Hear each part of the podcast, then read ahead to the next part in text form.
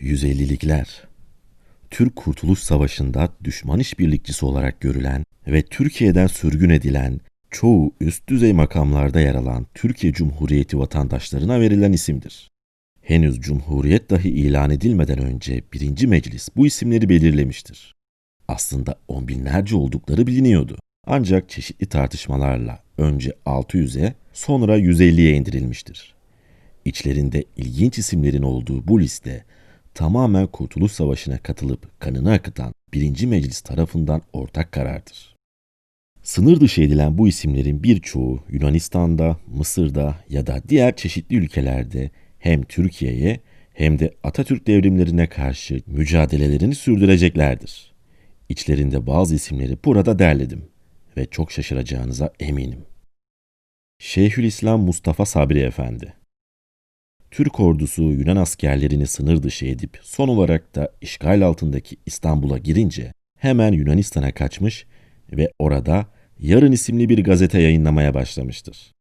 Gazetesinde İstifa Ediyorum isimli bir şiiri hala bilinmektedir.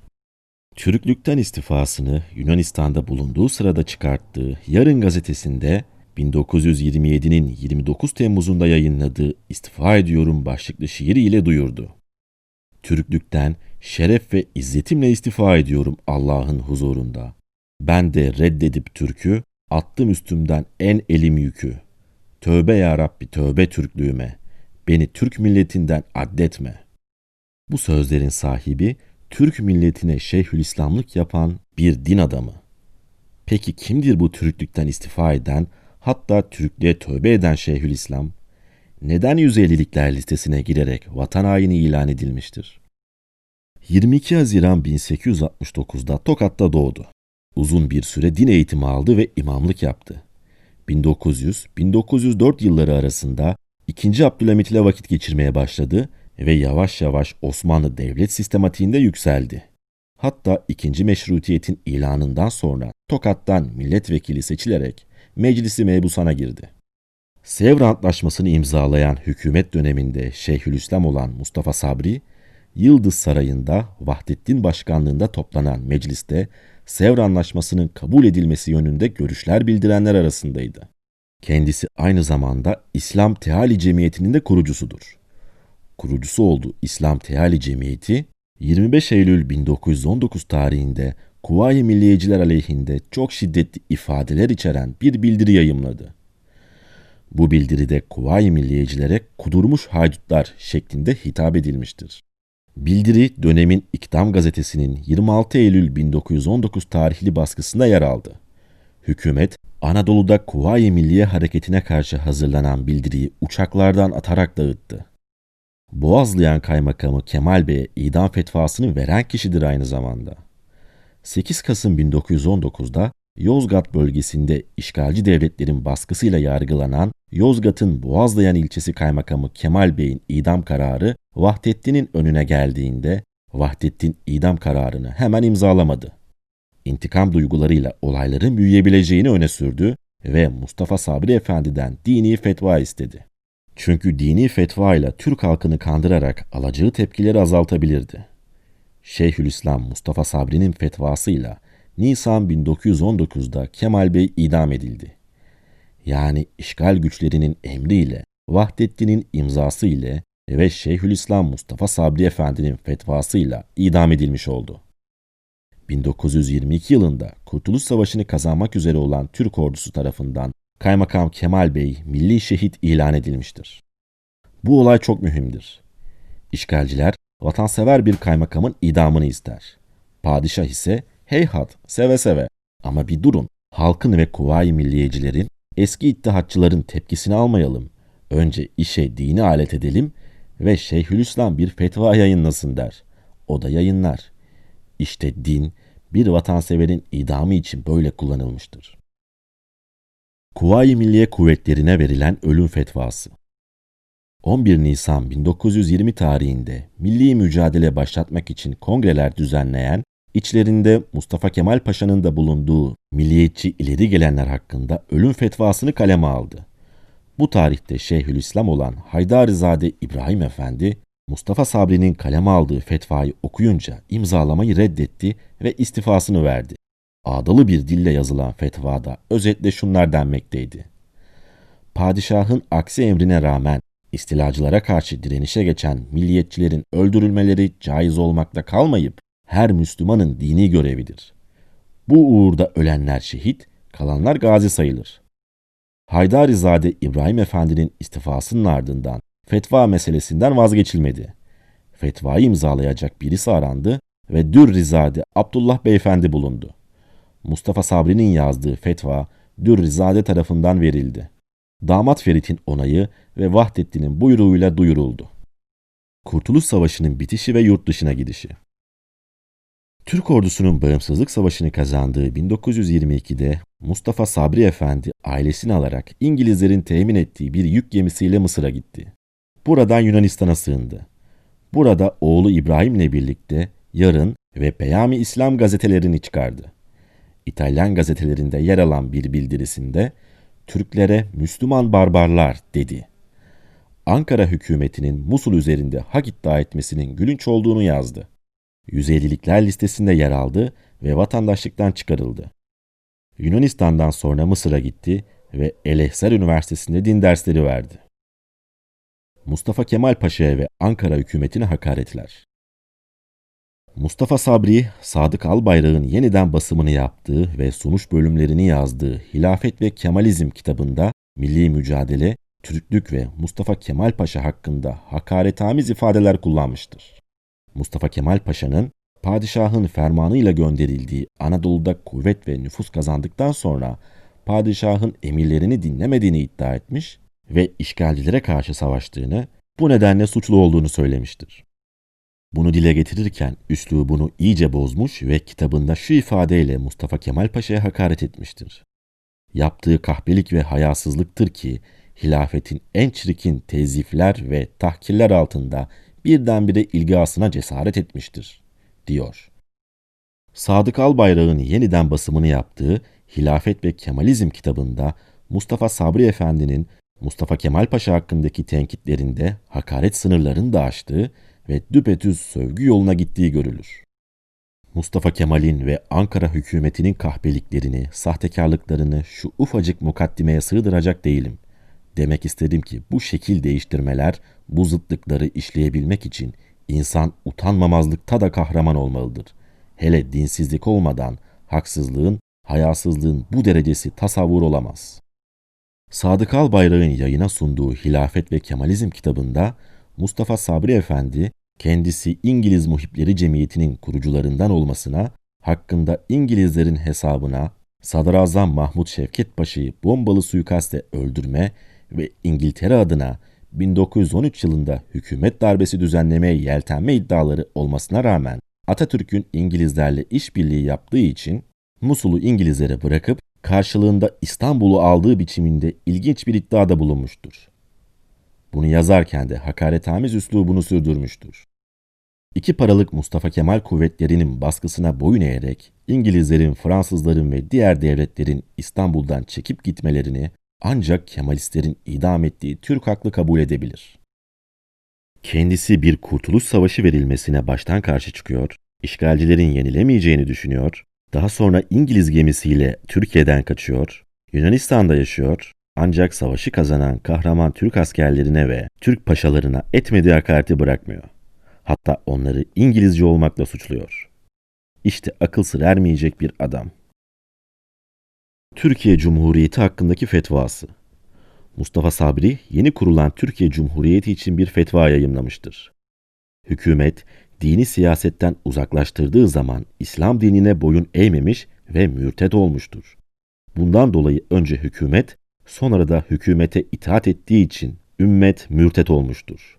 Fert fert bu hükümetin hükmü altında olanların hepsi mürtet olmasa bile bu topluluk topluca mürtet olmuştur. Ayrıca İslam'ın hükmüne boyun eğmeyen, İslam'ın kanunlarını uzaklaştırıp başka kanunlarla hükmeten bu mürtet hükümete itaat etmeyi kabul eden her fert mürtet olmuştur. Şapka kanununa, medeni kanunun kabulüne, harf devrimine, halifeliğin kaldırılmasına, Kur'an'ın Türkçe'ye tercüme edilmesine karşı çıkmıştır. Bir yazısında Benim elimden gelse Türkleri Arap yaparım. Diğer Müslümanları da. Bunların vaktiyle Araplaşmadığına çok da eseflenirim. Arap dili ne Türk diliyle ne de Çerkez diliyle kıyas kabul etmeyecek derecede üstünlüğe sahip olduğundan insanın milliyetin küçüğüne sahip olup da onunla iftihar edeceğine, büyüğüne sahip olarak onunla iftihar etmesi karlı ve makul olur. Yarın gazetesi 14 Nisan 1930 Böyle bir adamın Sevr Antlaşması'nı desteklemesi, milli mücadeleye katılanları kafir ve idamlık ilan etmesi, daha sonra Vahdettin gibi İngiliz gemisiyle Türkiye'den kaçıp Yunanistan'da, sonra da Mısır'da mutlu mesut yaşamasına şaşırmamak gerek. Ayrıca hilafetin yeniden kurulması için Papa'ya mektup yazmıştır. Geçtiğimiz yıllarda ortaya çıkan ve Habertürk gazetesinin yayınladığı belgelere göre Sevr Antlaşması'nın imzalandığı dönemde Osmanlı Devleti'nin Şeyhülislamlık makamında oturan Mustafa Sabri Efendi'nin dönemin Papası Pius'a hilafetin tekrar inşası için mektup yazarak Vatikan'dan yardım istediği ortaya çıktı. Bu çarpıcı belge 14 Mayıs 1925 tarihini taşıyor. Milli mücadelenin karşısında en sert muhalefeti yapan, işgalcilere karşı savaşmanın en büyük düşmanı olan Osmanlı Devleti'nin son Şeyhülislamlarından Mustafa Sabri Efendi'nin hilafetin yeniden kurulması için mektup yazarak Vatikan'dan yardım istediği ortaya çıktığında kimse şaşırmadı aslında. Türkiye Katolik Ruhani Reisler Kurulu'nun resmi tarihçisi, kültür ateşesi ve aynı zamanda basın sözcüsü olan Doktor Rinaldo Marmara'nın Habertürk'te paylaştığı ve ilk defa yayınlanan bu çarpıcı belge 3 sayfadan oluşuyor ve Mustafa Sabri imzası var. Vatikan arşivlerinde de yer alan belgenin Roma'da yazıldığının anlaşıldığını belirten Doktor Rinaldo Marmara, mektup Vatikan Dışişleri Bakanı Kardinal Gasparri adına dönemin papasına iletilmesi için yazılmış. Mektuptan anlaşılan Mustafa Sabri Efendi'nin kaldırılan hilafetin yeniden inşası için Vatikan'dan yardım istediği üzerine. Mektupta Mustafa Sabri Efendi, Müslümanlarla Hristiyanlar arasında hiçbir sorun olmadığını, çatışmanın din ile dinsizleştirme arasında yaşandığını belirtiyor. Şeyhülislam Mustafa Sabri mektubunda hilafet komitesi kurduklarını belirtiyor ve hilafetin yeniden kurulabilmesi için Vatikan'dan şu şekilde yardım istiyor. Hilafet Komitesi, Müslüman dünyasının çıkarları doğrultusunda yayın yapacak ve propaganda faaliyetlerinde bulunacak. Hristiyanlarla da genel bir dayanışma içerisinde bulunarak hilafet kurumunu restore etmeye çalışacaktır. Bugün Müslüman ve Hristiyan dünyasında dini alanda çatışma yoktur. Mevcut çatışma din ile dinsizleştirme arasındadır. Sizden papalık makamı ile başkanı olma şerefine sahip bulunduğum bu komite arasında işbirliği sağlamanızı rica ediyorum. Peki mektuba cevap verildi mi? Mustafa Sabri Efendi Vatikan'a gidip Kardinal Gaspari ile görüştü mü? Bu soruların yanıtını ise Mustafa Sabri Efendi'nin Roma'dayken General Vehip Paşa'ya yazdığı 20 Temmuz 1928 tarihli mektuptan öğreniyoruz. Mektupta şöyle diyor. Papa Hazretlerinin Hariciye Nazırı Kardinal Gaspari ile görüştüm ve müsaadeleriyle Vatikan Sarayı'nı gezdim. Kardinal ile mülakat esnasında bir aralık kendisinin bacağını bacağının üstüne koyarak oturduğuna dikkat ettim.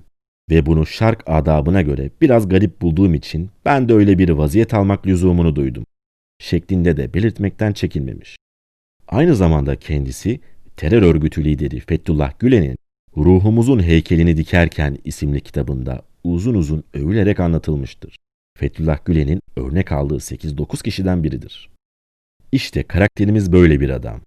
Hal böyleyken Tokat ili Yeşilırmak Mahallesi'nde 2017 yılı Haziran ayında hizmete açılan İmam Hatip Lisesi'ne Milli Eğitim Müdürlüğü tarafından Kurtuluş Savaşı'na katılanlar hakkında idam kararı çıkartan, birçok kuvvacıyı idam ettiren, Sevr Antlaşması'nın imzalanmasını en önde destekleyen Tokat doğumlu Mustafa Sabri'nin adının verildiğini öğreniyoruz.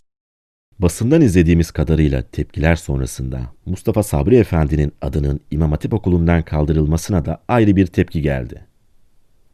Sosyal medya üzerinden açıklama yapan Memur Sen ve Eğitim Bir Sen Genel Başkanı Mustafa Sabri Efendi'nin ismine tahammülsüzlüğün kabul edilemez olduğunu söyledi. Eğitim Sendikası'nın başkanı Mustafa Sabri Efendi'nin isminin olmasını istedi. Ne acı. Rıza Tevfik Bölükbaşı Felsefe merakı nedeniyle filozof Rıza olarak da anılırdı. tıp eğitimi gören Rıza Tevfik, Osmanlı döneminde milletvekilliği, Milli Eğitim Bakanlığı da yapan çok ünlü bir kişilikti. Politikadaki tutarsızlıkları ve ateşli kişilik yapısı nedeniyle olaylarla dolu bir ömür sürdü. Sevr Antlaşması'nı imzalayan Osmanlı delegesi olarak 150'likler arasında yer aldığı için uzun yıllar Türkiye'ye girmesi yasaklandı. Gurbet acısını şiirlerinde dile getirdi. Sevr Antlaşması'nı keyifle imzalayıp bu anlaşmalardan sonra rahatlıkla fotoğraf çekilen birinin parçalanmasını kabul ettiği ülkeden gönderilmesi nedeniyle gurbet acısı çekmesi de şaşırtıcıdır. Mülkiye valisi olan babası tarafından İstanbul'daki bir Yahudi okuluna yerleştirilen Rıza Tevfik, erken yaşta İspanyolca ve Fransızca öğrendi. Bir süre Gelibolu'da bir Ermeni mektebinde devam etti. Ardından Gelibolu Rüştiyesi'nde okuyarak okulu birincilikle bitirdi. Öğrencilik yılları boyunca önce ünlü Galatasaray Lisesi'nde ve daha sonra İmparatorluk Tıp Okulu'nda öğrenim gördü. Huzursuz bir kişiliğe sahip olduğundan sürekli dikkat çekiyordu. Ancak 30 yaşında tamamen mezun olabildi ve bunun sonunda doktor oldu. Kendisi öğrencilik yıllarında ve hayatının orta zamanlarına kadar aslında yenilikçi, ileri görüşlü ve hürriyetçi fikirleriyle tanınıyordu. Bu nedenle Osmanlı yetkililerince defalarca tutuklandı. Hatta İttihat ve Terakki'ye bile dahil oldu. Fakat zengin olmanın yolunun her zaman devletin yöneticilerine yakın olmakta olduğunu anlamış olacak ki, bir süre sonra İttihat ve Terakki'nin tam karşıtı olan Hürriyet ve İtilaf Partisi'ne katıldı. Hatta üstüne üstlük 2. Abdülhamit'e övgüler dolu şiirler yazmaya başladı. Zaten İngiliz hayranlığı ve Sevr Antlaşması'nı imzalamaya kadar gidecek olan zihniyet yapısı da bu şekilde oluşmaya başladı. O eski, devrimci ve vatansever genç artık sadece padişahçı, hilafetçi bir kimliğe bürünmeye başlamıştı. 1918'de siyasete yeniden dönerek son Osmanlı kabinesindeki Marif Nazırı yani Eğitim Bakanı olarak bulundu. Felsefenin eğitim sisteminde yer alması için çabaladı. Aynı yıl hür ve kabul edilmiş Masonlar Büyük Locası'nın büyük üstadı seçilerek burada bir yıl görev yaptı. 1919'da ve 1920'de Şurayı Devlet Reisliğine getirildi. Yani Danıştay. Aynı tarihlerde Darülfünun'da felsefe ve estetik dersleri verdi. Padişah Vahdettin ve damat Ferit Paşa'nın ısrar ve baskısı sonucu 1919'da Paris'te toplanan barış konferansına Türkiye temsilcisi olarak katılmak zorunda kaldı. Ertesi yıl Sevr Anlaşması'nı imzalayan heyette yer aldı. Darülfünun'daki öğrencileri onun Sevr'e imza koyan heyette yer almasını büyük tepkiyle karşılayıp derslerini boykot ettiler. Protesto gösterileri düzenlediler. Darülfünun öğrencilerinin grevine yol açan gerilimin son damlası Süleyman Nazif ile Hüseyin Daniş arasında Fuzuli'nin Türklüğü üzerine yapılan tartışma olmuştur. 29 Mart 1922'de yapılan konferansta hakem rolünü üstlenen Rıza Tevfik, Fuzuli'nin Türk değil Acem olduğunu iddia etmiş, Türk de olsa ne çıkar diyerek nutkuna devam etmişti. Ertesi gün Edebiyat Fakültesi öğrencileri bir kararname hazırlayarak Rıza Tevfik, Ali Kemal, Hüseyin Daniş, Cenap Şahabettin ve Marujan Barsamiya'nın görevlerinden istifa etmelerini istediler. Edebiyat Fakültesinde başlayan boykot diğer üç fakülteye de sıçradı. Gelişmeler üzerine divan söz konusu hocalara süresiz izin vererek bir anlamda öğrencilerin isteklerini yerine getirmiştir. Rıza Tevfik de kurumdan istifa etti. İstanbul'un İngiliz ve Fransız askerleri tarafından 1918 yılında başlayan ve 1923'te Türk askerlerinin girişine kadar devam eden 5 yıllık işgal sürecinde gayet rahat yaşasa da yine İngiliz desteklisi olan Ali Kemal'in Türk halkı tarafından linç edilmesi sonrası korkarak o da bir yük gemisiyle Mısır'a kaçtı. Türkiye'den ayrılışından bir buçuk yıl sonra Türkiye Büyük Millet Meclisi'nin aldığı bir kararla 150'likler listesinde yer aldı. Listede yer almasının nedeni Sevr'i imzalayan heyette yer almasıydı. Hicaz, Amerika Birleşik Devletleri, Ürdün ve Lübnan'da yaşadı. Ürdün Kralı Emir Abdullah kendisine yakınlık göstermiş, maaş bağlamış, divan tercümanlığı ve Asarı Atika müdürlükleri görevlerinde bulunmasını sağlamıştır. 1928'de Amerika'da bulunan çocuklarını ziyaret edip orada Türk Edebiyatı hakkında çeşitli konferanslar veren Rıza Tevfik, 1934'te Ürdün'deki resmi görevinden emekli oldu.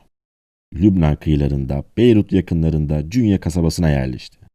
1939'da 150'liklere yönelik çıkarılan af kapsamında 1943 yılında yurda döndü. Kendi ifadesiyle hesaplaşmak için değil, helalleşmek için yurda döndü. 31 Aralık 1949'da felç tedavisi için yattığı İstanbul Vakıf Gureba Hastanesi'nde zatürreden öldü. Mezarı Zincirlikuyu Asri Mezarlığı'nda bulunmaktadır. Ali Rüşdi Osmanlı'nın son dönemi Adliye Nazırı, milli mücadele yılları işbirlikçilerinin önde gidenlerindendir. General Paraskevopulos'un ordusu şimdi sürat ve şiddetle harekata devam eyleyecek olursa birkaç haftada Ankara önlerinde bulunacaktır. Yunan ordusunun başarısı için dua ediniz. Yunan ordusunun ilerlemesi İstanbul hükümetinin programına uygundur. Bu ordu bizim ordumuzdur. 12.07.1920 Kendisi bu sözlerin sahibidir. Büyük Millet Meclisi tarafından 150'likler listesine alınmış ünlü vatan hainlerindendir. Hilafet ve İngiliz destekçilerindendir. Süleyman Şefik Paşa 1860 Erzurum doğumludur. Erzurum'un eski ailelerinden Söylemez oğullarına mensuptur ve babası Mevlana Türbesi'nde yatan Konya valisi Ali Kemali Paşa'dır. Harp okulunu bitirdi. Çeşitli orduların başına geçti ve Basra valisi oldu.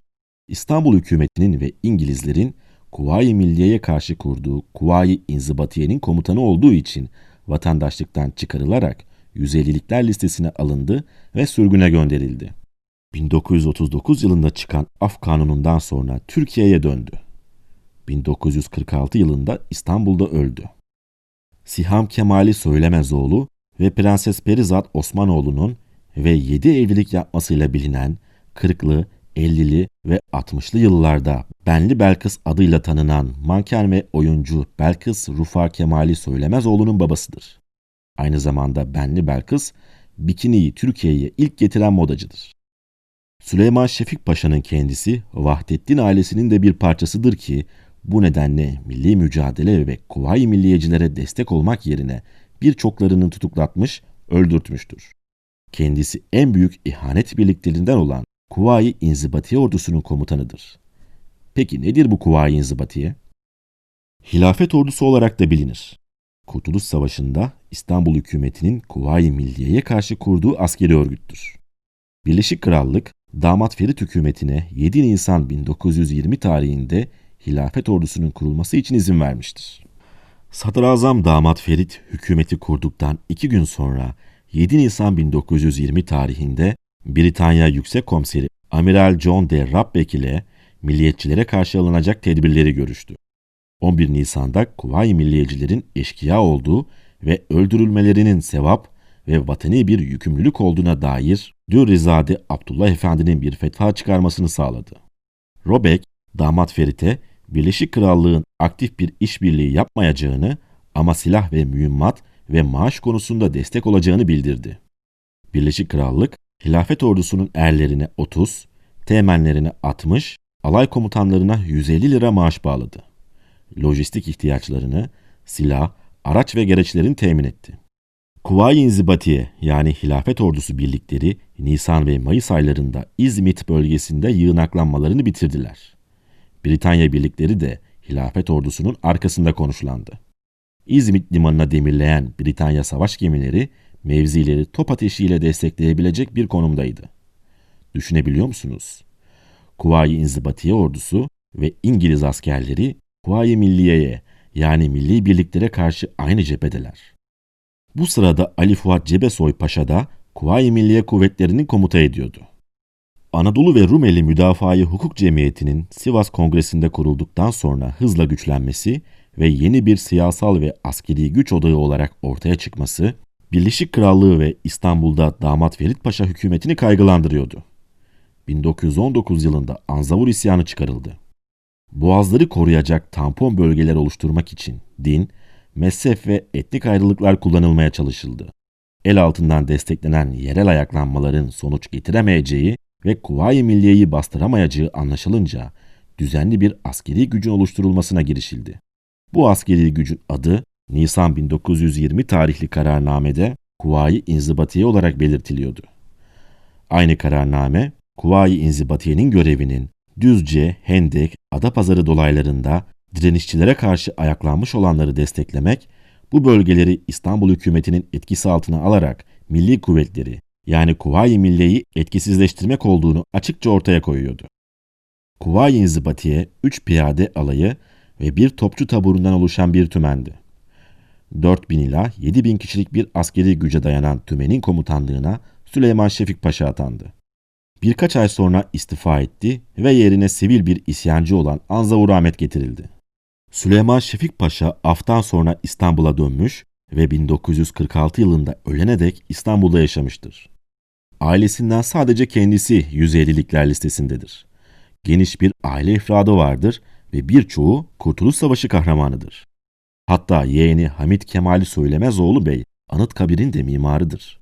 Ayrıca kendisinin yani Süleyman Şefik Paşa'nın böyle bir aileden gelmesine rağmen neden milli mücadeleye bu kadar düşman olduğu ve İngiliz askerleriyle omuz omuza Türklere karşı cephe tutabilecek kadar gözünü kararttığı sorusu birçok kez sorulmuş, kimi çevrelerce şu kanıya ulaşılmıştır. Söylemezoğulları ailesi Osmanlı'nın en sosyetik ailelerinden biriydi. Ailenin birçok ferdi Galatasaray Lisesi, Amerikan Koleji ve dönemin önemli eğitim kurumlarında öğrenim görmüş, birçoğu hem sarayda hem de gerek elçilik, gerekse çeşitli üst seviyelerde diplomatik görevler yapmıştı ve yapmaktaydı. Ailenin evlilikleri ise hem Osmanoğlu ailesi hem de Mısır Hanedan ailesi gibi ailelerin üyeleriyleydi. Kısacası padişahın devrilmesinin Söylemez oğulları ailesinin de sonu gibi görünüyor olması gayet normal.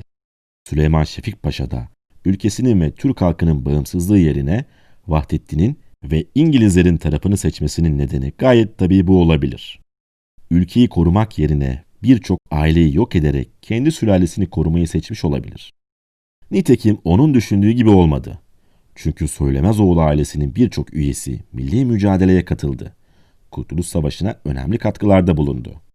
Süleyman Şefik Paşa ise halka ihanet ederek kendi onurunu da ayaklar altına almış oldu ve 150'likler listesine girdi. Af çıkana kadar ise Türkiye'ye dönemedi.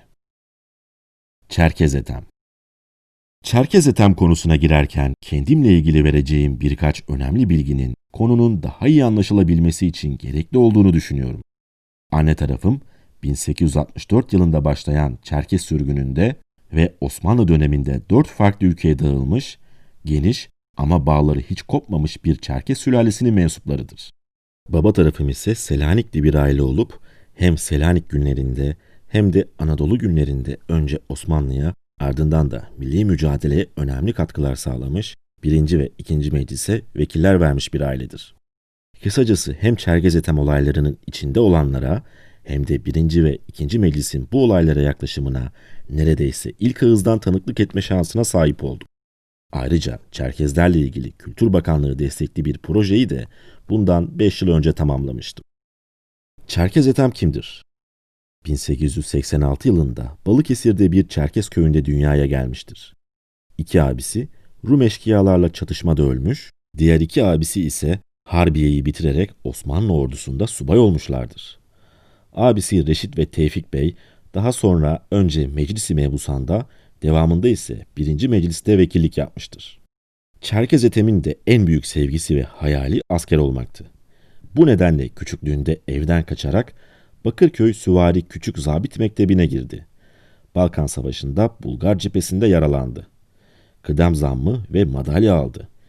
Birinci Dünya Savaşı'nda kendisi gibi Çerkez olan Kuşçubaşı Eşref'in yönettiği Teşkilat-ı Mahsusa ile birlikte İran, Afganistan ve Irak'a yapılan akınlara katıldı. Yaralanarak savaş sonunda köyüne çekildi. Ancak o bununla yetinecek bir karakter değildi. Kendisine bağlı yüzlerce Çerkez'den ve Türk'ten oluşan tabiri caizse büyükçe bir çetesi de vardı. Tam da bu sırada yani 1919 yılında İzmir'in Yunanlar tarafından işgal edilmesine de çok içleyerek faaliyete geçti. Bazı iş adamlarının oğullarını kaçırarak fidye toplamaya başladı.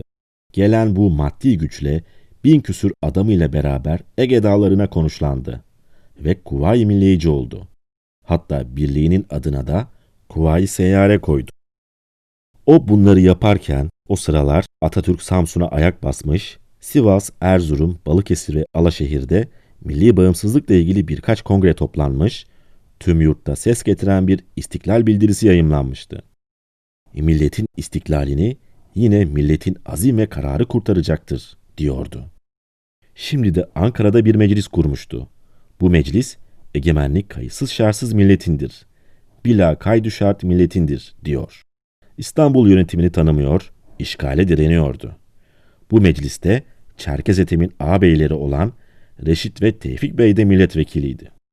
Ethem ve ağabeleri Mustafa Kemal'i Birinci Dünya Savaşı'ndan tanıyor, birçok cephedeki başarılarını ve Türk ordusundaki namını biliyor ve büyük saygı duyup asla kusur etmiyorlardı.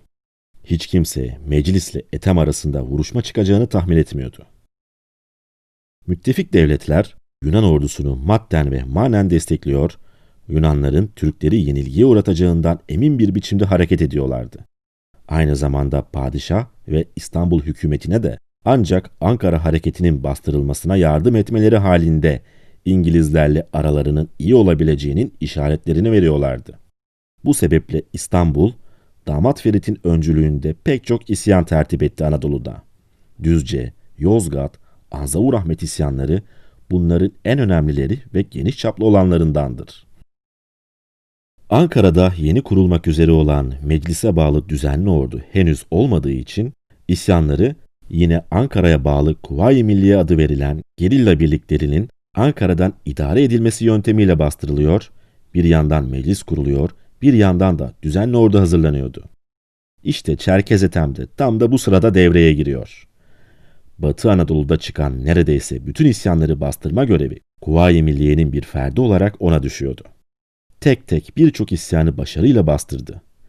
Kendisinin Atatürk ile beraber çekilmiş olan fotoğrafı da bu dönemlere denk gelmektedir. Gördüğünüz fotoğraf 1920 yılında Yozgat'ta isyan bastırmak için yapılan faaliyetler sırasında çekilmiştir. 16 Mayıs 1920 tarihinde Kuvayi Milliye birliklerinin düzenli orduda birleştirilmesine karar verildi. Yunan ordusunun önü alınamamıştı. Büyük fedakarlıklarla mücadele eden Kuvayi Milliye, düzen, disiplin, eğitim ve birlikten yoksun olduğundan olsa gerek, düzenli bir ordu olan Yunan ordusunu durduramıyor, sadece çeşitli vurkaçlar yapıyor ve isyanları bastırabiliyorlardı. Üstelik Yunan ordusu, çağın en önemli savaş araç ve gereçlerini barındıran İtilaf devletlerinin para desteğini arkasına almış, büyük ve güçlü bir orduydu. Sadece durum o da değil. İstanbul sert bir şekilde İngiliz ve Fransız askerlerinin işgali altındaydı. Batı Anadolu'nun önemli bir kısmında İtalyan işgali vardı ve Güneydoğu, Doğu Anadolu bölgesinde çeşitli sorunlar görünmeye başlamıştı. Yani düzenli ordu kurulmazsa ülkenin kuruluşu imkansızdı. Mustafa Kemal ve meclisteki hemen her mebus düzenli bir milli ordunun kurulması gerektiği konusunda hemfikirdi. Ancak başta Çerkez Ethem, Demirci Efe gibi Kuvayi Milliye reisleri olmak üzere düzensiz komutaya alışmış bir takım kuvvacılar bu işe pek de sıcak bakmıyorlardı. Çünkü Kuvayi Milliye reislerinin birçoğu zaten dağlarda yaşayan ve eskiden eşkıyalık da yapmış olan efelerden oluşuyordu. Ve bu isimler kesinlikle otorite altına girmeyi ya da kendilerine bağlı adamların kendi bağlarından çıkmasını kabullenecek kişiler değildiler. Hatta Çerkez Ethem'in abileri olan Tevfik ve Reşit Beyler mecliste yaptıkları düzenli ordu karşıtı konuşmalarla dikkatleri üzerine toplamışlardı. Öyle ki verdikleri şiddetli demeçlerden düzenli orduya adeta nefret duydukları anlaşılıyordu. Ancak aslında kardeşleri Ethem'in gücünün azalacağını bildikleri için bu duruma bu kadar karşıydılar. Çünkü Ethem'in gücü güç olduğu sürece kendileri de meclis içinde güçlü olacaklardı. Özellikle ifade edelim ki Ethem'in alışkanlığı üstten komut almamak yönündeydi. Dolayısıyla Ethem'in düzenli ordunun kurulması ve emir komuta zincirine uygun hareket edilmesi konusunda ciddi bir karşı duruşu söz konusuydu. Nitekim düzenli ordu birlikleri kurulmaya başladıktan sonra bile Ethem, meclisin yasağına rağmen halktan zorla erzak toplamaya, haraç kesmeye, zorla asker toplamaya, yargısız infazlara, cephe komutanlığına bilgi vermemeye devam etmiş, alışkanlıklarından vazgeçmemiştir. Bu nedenle meclis tarafından İsmet Paşa Batı Cephesi komutanı olarak atandığında büyük tepki gösterdi ve sürtüşmeler yaşandı. Mesela İsmet Paşa sıkı sıkı tembihlemesine rağmen Ethem, birlikleri için gönderilen maaşların düzenli bir deftere kaydedilip cephe komutanlığına bildirilmesi işini dahi kabullenmemiş, bir noktadan sonra hiç maaş istememiş, halktan zorla toplamayı sürdürmüştür. Aynı şekilde birliklerin askeri mevcudunu, cephanelerin durumunu, bulundukları konum ve hayati bilgiler içeren günlük askeri raporları dahi cephe komutanlığına göndermemeye başlamıştır. Çerkes kardeşlerle milli mücadelenin beyin takımı arasındaki iplerin kopuşu tam da bu tarihlere denk gelir. Çünkü Kuvayi Seyyare adlı yaklaşık 5000 kişiden müteşekkil ordunun komutanlığını yapmakta olan ve düzenli ordudan pek de haz etmeyen Ethem Bey, Batı cephesi komutanı olarak ısrarla kendini öneriyordu. Bu ne hikmetti ki o tarihe kadar düzenli orduya karşı olan bir isim şimdi bu ordunun komutanlığını yapmak istiyordu. Ancak kendisi ne Harbiye mezunu bir rütbeli askerdi ne de büyük ordular yönettiği bir askeri geçmişi vardı. O bir gerilla savaşçısıydı. Çerkez Ethem ve kardeşleriyle meclis arasındaki ilk ayrılık emaresi düzenli ordunun ve istiklal mahkemelerinin kurulmasından sonra Yozgat'ta başlayan Çapanoğlu isyanı ile kendini göstermişti. Daha önceki ayaklanmalarda gösterdiği başarılarla mecliste pek çok defa övgüyle karşılanan Ethem bu isyanın sorumlusu olarak Ankara valisi Yahya Galip Bey'i görmekteydi. Olayın bu kısmını nutuktan dinlemeliyiz. Ethem Bey ve kardeşleri doğrudan doğruya valilere ve herkese emirler veriyor, emirlerin uygulanmaması durumunda idam edileceği tehdidini de ekliyorlardı. Ethem Bey Ankara ve Ankara'daki hükümet üzerinde bile otorite kurma denemesinde bulunmuştu. Sözde Yozgat ayaklanması, Yozgat'ın bağlı bulunduğu Ankara valisinin kötü yönetiminden kaynaklanmış, dolayısıyla ayaklanmaya sebep olanlar hakkında uyguladığı cezayı, ki o asılarak idamdı, Ankara valisi hakkında da olay yerinde kendisi uygulamaya karar vermişti. Çerkez Ethem'in yargısız infaz anlamına gelen bu emri meclis tarafından elbette kabul edilmemişti. Ethem, idare etmekte olduğu Kuvayi Seyyare ordusunun disiplininin ve usulünün sorumlunun askerlerin önünde idam edilmesi olduğunu, meclis ise sorumlunun cezasının ancak istiklal mahkemeleri tarafından verileceğini savunuyordu. Çerkes kardeşler rahatsızlıklarını ilk kez bu biçimde dile getirmişlerdi. Düzenli ordunun kurulamadığı ve iç ayaklanmaların en tehlikeli olduğu dönemde bunların bastırılmasında büyük faydası olan Ethem'in milli mücadele içerisinde böylesine başına buyruk ve merkezi otoriteyi dinlemez oluşu hemen herkesi çok şaşırtmıştı.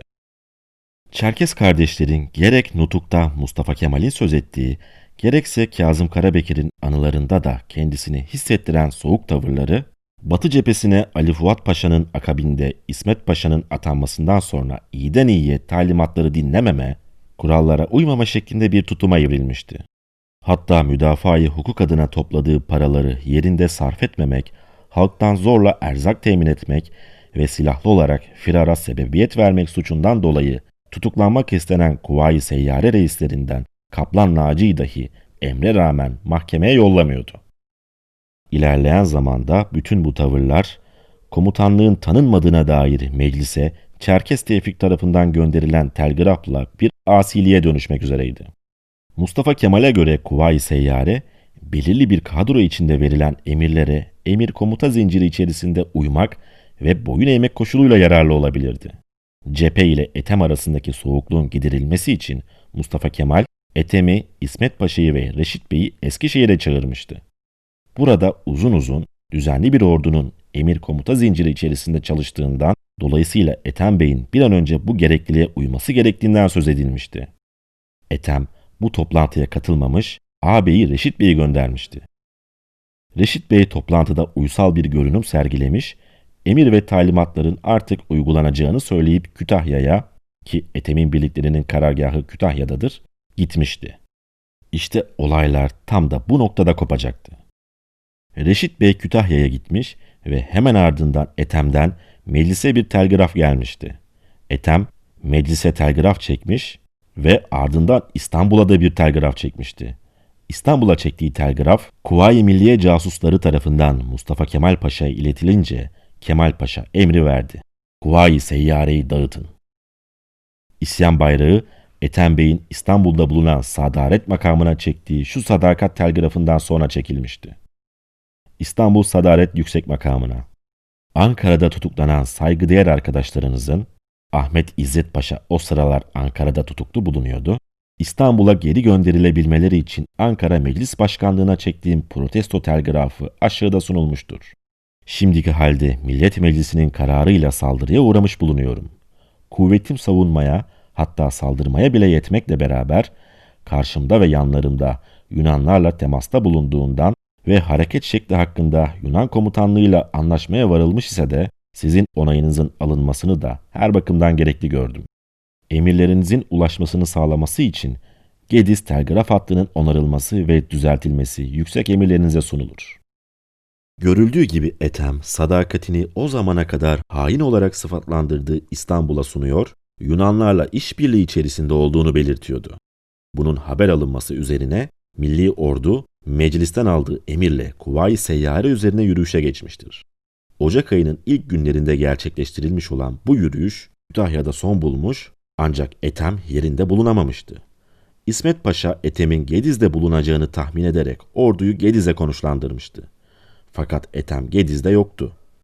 Tam da bu sırada ani bir hareketlenmeyle Yunan ordusu 6 Ocak 1921 tarihinde Bursa'dan taarruz yürüyüşüne başlamıştı.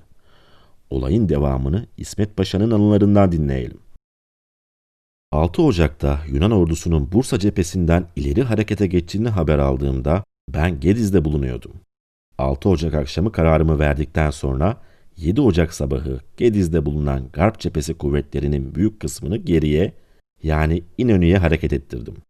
Ethem'in karşısında en kuvvetli kumandanımı İzzettin Çalışlar Bey'i bıraktım. İzzettin Bey tümeninin bir kısmı ile Kütahya merkezine çekilecek ve Ethem'in muhtemel taarruzuna karşı İnönü mevzilerinin arkasını emniyete alacaktı. Kütahya'nın kayalık bir cephesi vardır. O kayalıkta müdafaa edeceksin dedim. Ben Gediz'den İnönü'ye yetişmek üzere ayrıldıktan sonra henüz yoldayken Ethem Gediz'e taarruza geçti. İzzettin Bey'in emrine bıraktığım az bir kuvvetle Gediz'de Ethem'le muharebeye tutuştu. Biz de o sırada Yunan taarruzu altındayız. Ankara'dan da Peyderbey kuvvetler geliyordu. Nereden bir kıta bulurlarsa İnönü'ye yerleştirmeye çalışıyorlar. 10 Ocak 1921'de düşmanın mukavemeti kırıldı, iradesi çöktü, çekildi. Biz İnönü'de Yunanlarla muharebe ederken İzzettin Bey Kütahya'da Ethem ile muharebe ediyordu. Nihayet Ethem cephesini terk ederek kaçmaya mecbur oldu. Şimdi aynı olayı Çerkez Ethem'in kendi anılarından dinleyelim. Yunan cephesinde hakikaten sükunet başladı. İsmet Bey'e bir darbe indirmenin zamanı gelmişti. Büyük kuvvetimizle ve Yunan cephesinden aldığımız iki kudretli topumuzun himayesinde Gediz'e girmiş tümenler üzerinde taarruza başladık. İki buçuk saat süren çetin bir boğuşmanın sonunda İsmet Bey kuvvetleri bozgun gösterdi. Kıtalarımız geceyi Gediz'de ve şimalinde geçirdikten sonra sabahleyin erkenden Kütahya istikametine doğru takibe koyuldu. Ben de karargahımla birlikte Kütahya'ya doğru ilerliyordum. Acaba bu darbe kafi gelecek miydi? Ertesi günün öğleden sonra Alayunt ve Kütahya civarında yeni müdafaa hatları ile karşılaşmış ve taarruza başlamıştık. Kuvvetlerimiz bu müdafaa hattını akşama kadar haylice sarsmaya muvaffak olmuş görünüyordu. Gece bastırınca iki tarafta sükunete çekildi. Ertesi gün mücadelenin daha şiddetli olacağına kaniydim. Nitekim öyle oldu. Sabahleyin erken muharebe yeniden başladı. Gittikçe şiddetlendi.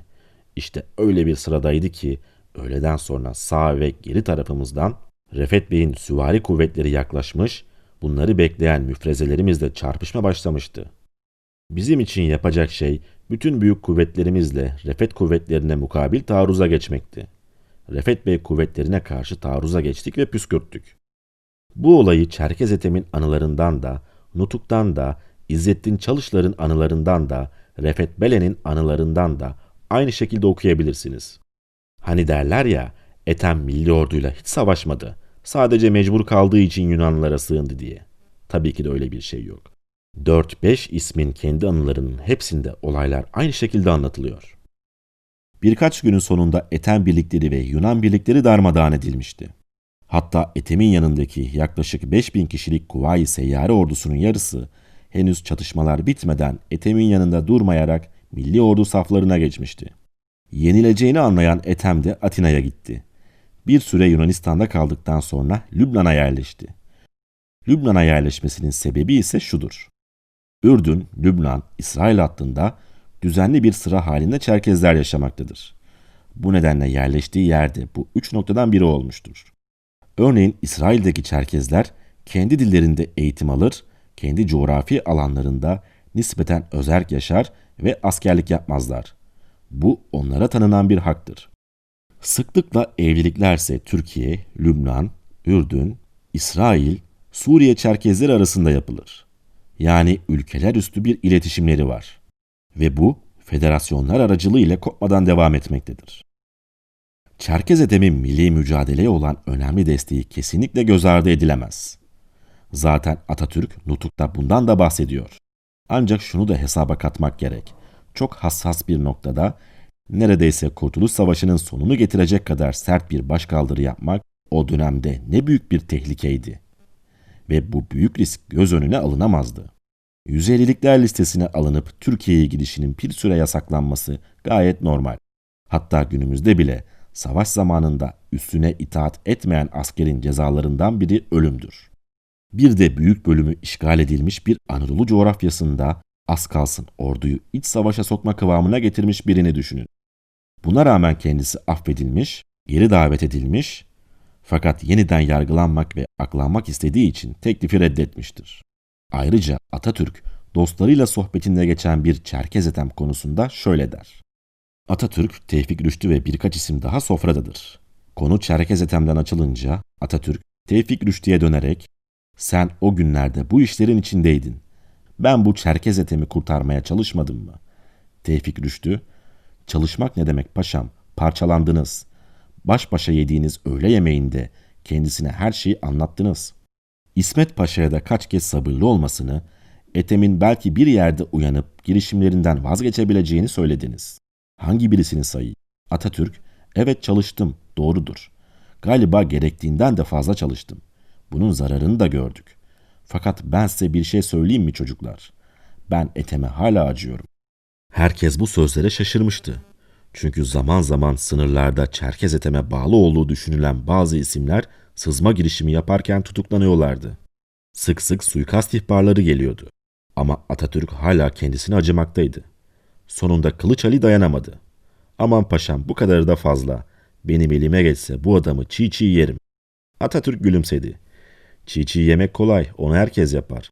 Ama anlamak zor. Düşün bir kez. İstiklal Harbi başında bu adam yeteneklerini göstermedi mi? Gösterdi. Memlekete faydalı olmadı mı? Oldu. Herkes kendisini el üstünde taşımadı mı? Taşıdı. Öyleyken bu adamın Yunanlılara sığınması ne demektir? Hem de bizim kuvvetlerimizle savaşa savaşa. Ethem'in yetenekleri var. Olmasa bunca işi başaramazdı. Ama aklı yok Ethem'in. Bütün felaket burada. Kendisi birkaç küçük muharebe kazandığı için devlet yönetebileceğini düşünüyor. Şunu kesinlikle söyleyebilirim ki günümüzde bazen televizyon programlarında Çerkez Ethem kahraman mıydı, hain miydi başlığı altında bazı tartışmalar yapılıyor. Bu başlığın nedeni tamamen algı yaratma amacından başka bir şey değil. Ethem yaşadığı dönemde ne hain olarak görüldü ne de kahraman. Ethem başarılı ancak yanlış zamanda yanlış şeyler de yapan, yanlışları ve doğruları neredeyse birbirini fitleyen bir adam olarak görüldü. Bu nedenle bu konulara hainlik ya da kahramanlık gibi iki uç noktadan bakmak yerine daha homojen, daha mantıklı ve soft yaklaşmak gerekiyor. Neden hain miydi, kahraman mı tartışmasının bir algı çalışması olduğunu kısaca şöyle anlatabilirim. TV programında tartışma sonucunda Ethem'in hain olduğu sonucunu çıkarırlarsa, Çerkeslerin birinci ve ikinci hükümet tarafından hain olarak görüldüğü algısı oluşacak ve Çerkez halkının Kurtuluş Savaşı'na bakış açısı değişecektir. Eğer kahraman olduğu sonucuna ulaşırlarsa yine benzer şekilde ama bu sefer de o zaman neden 150'likler listesine alındı? Demek ki birinci meclisin 150'likler listesine aldığı diğer birçok isim de aslında kahramandı denilecek. Ve 150'likler listesindeki isimler aklanmaya çalışılacak. Halbuki iş böyle değil. Çünkü hem birinci hem ikinci mecliste birçok Çerkez milletvekili ve bakan vardı. Mecliste neredeyse en büyük azınlık hem vekil olarak hem de bakanlıklarda Çerkezlere aitti. İstiklal ordusunda paşaların çok büyük bir kısmı Cumhuriyet'in ilanından önce de sonra da aynı şekilde Çerkez'di. Söylemek istediklerimi anlatabildiğimi umuyorum. Karşımızda bir hain ya da bir kahraman değil, başarılı, cesur, yetenekli ama çok fazla hatası olan bir isim var. İsminin başındaki Çerkes kelimesi ise onun günümüzde siyasi bir propaganda malzemesi olarak kullanılmasına olanak sağlıyor. 150'likler listesinin tamamına tabii ki de burada girmeyeceğim.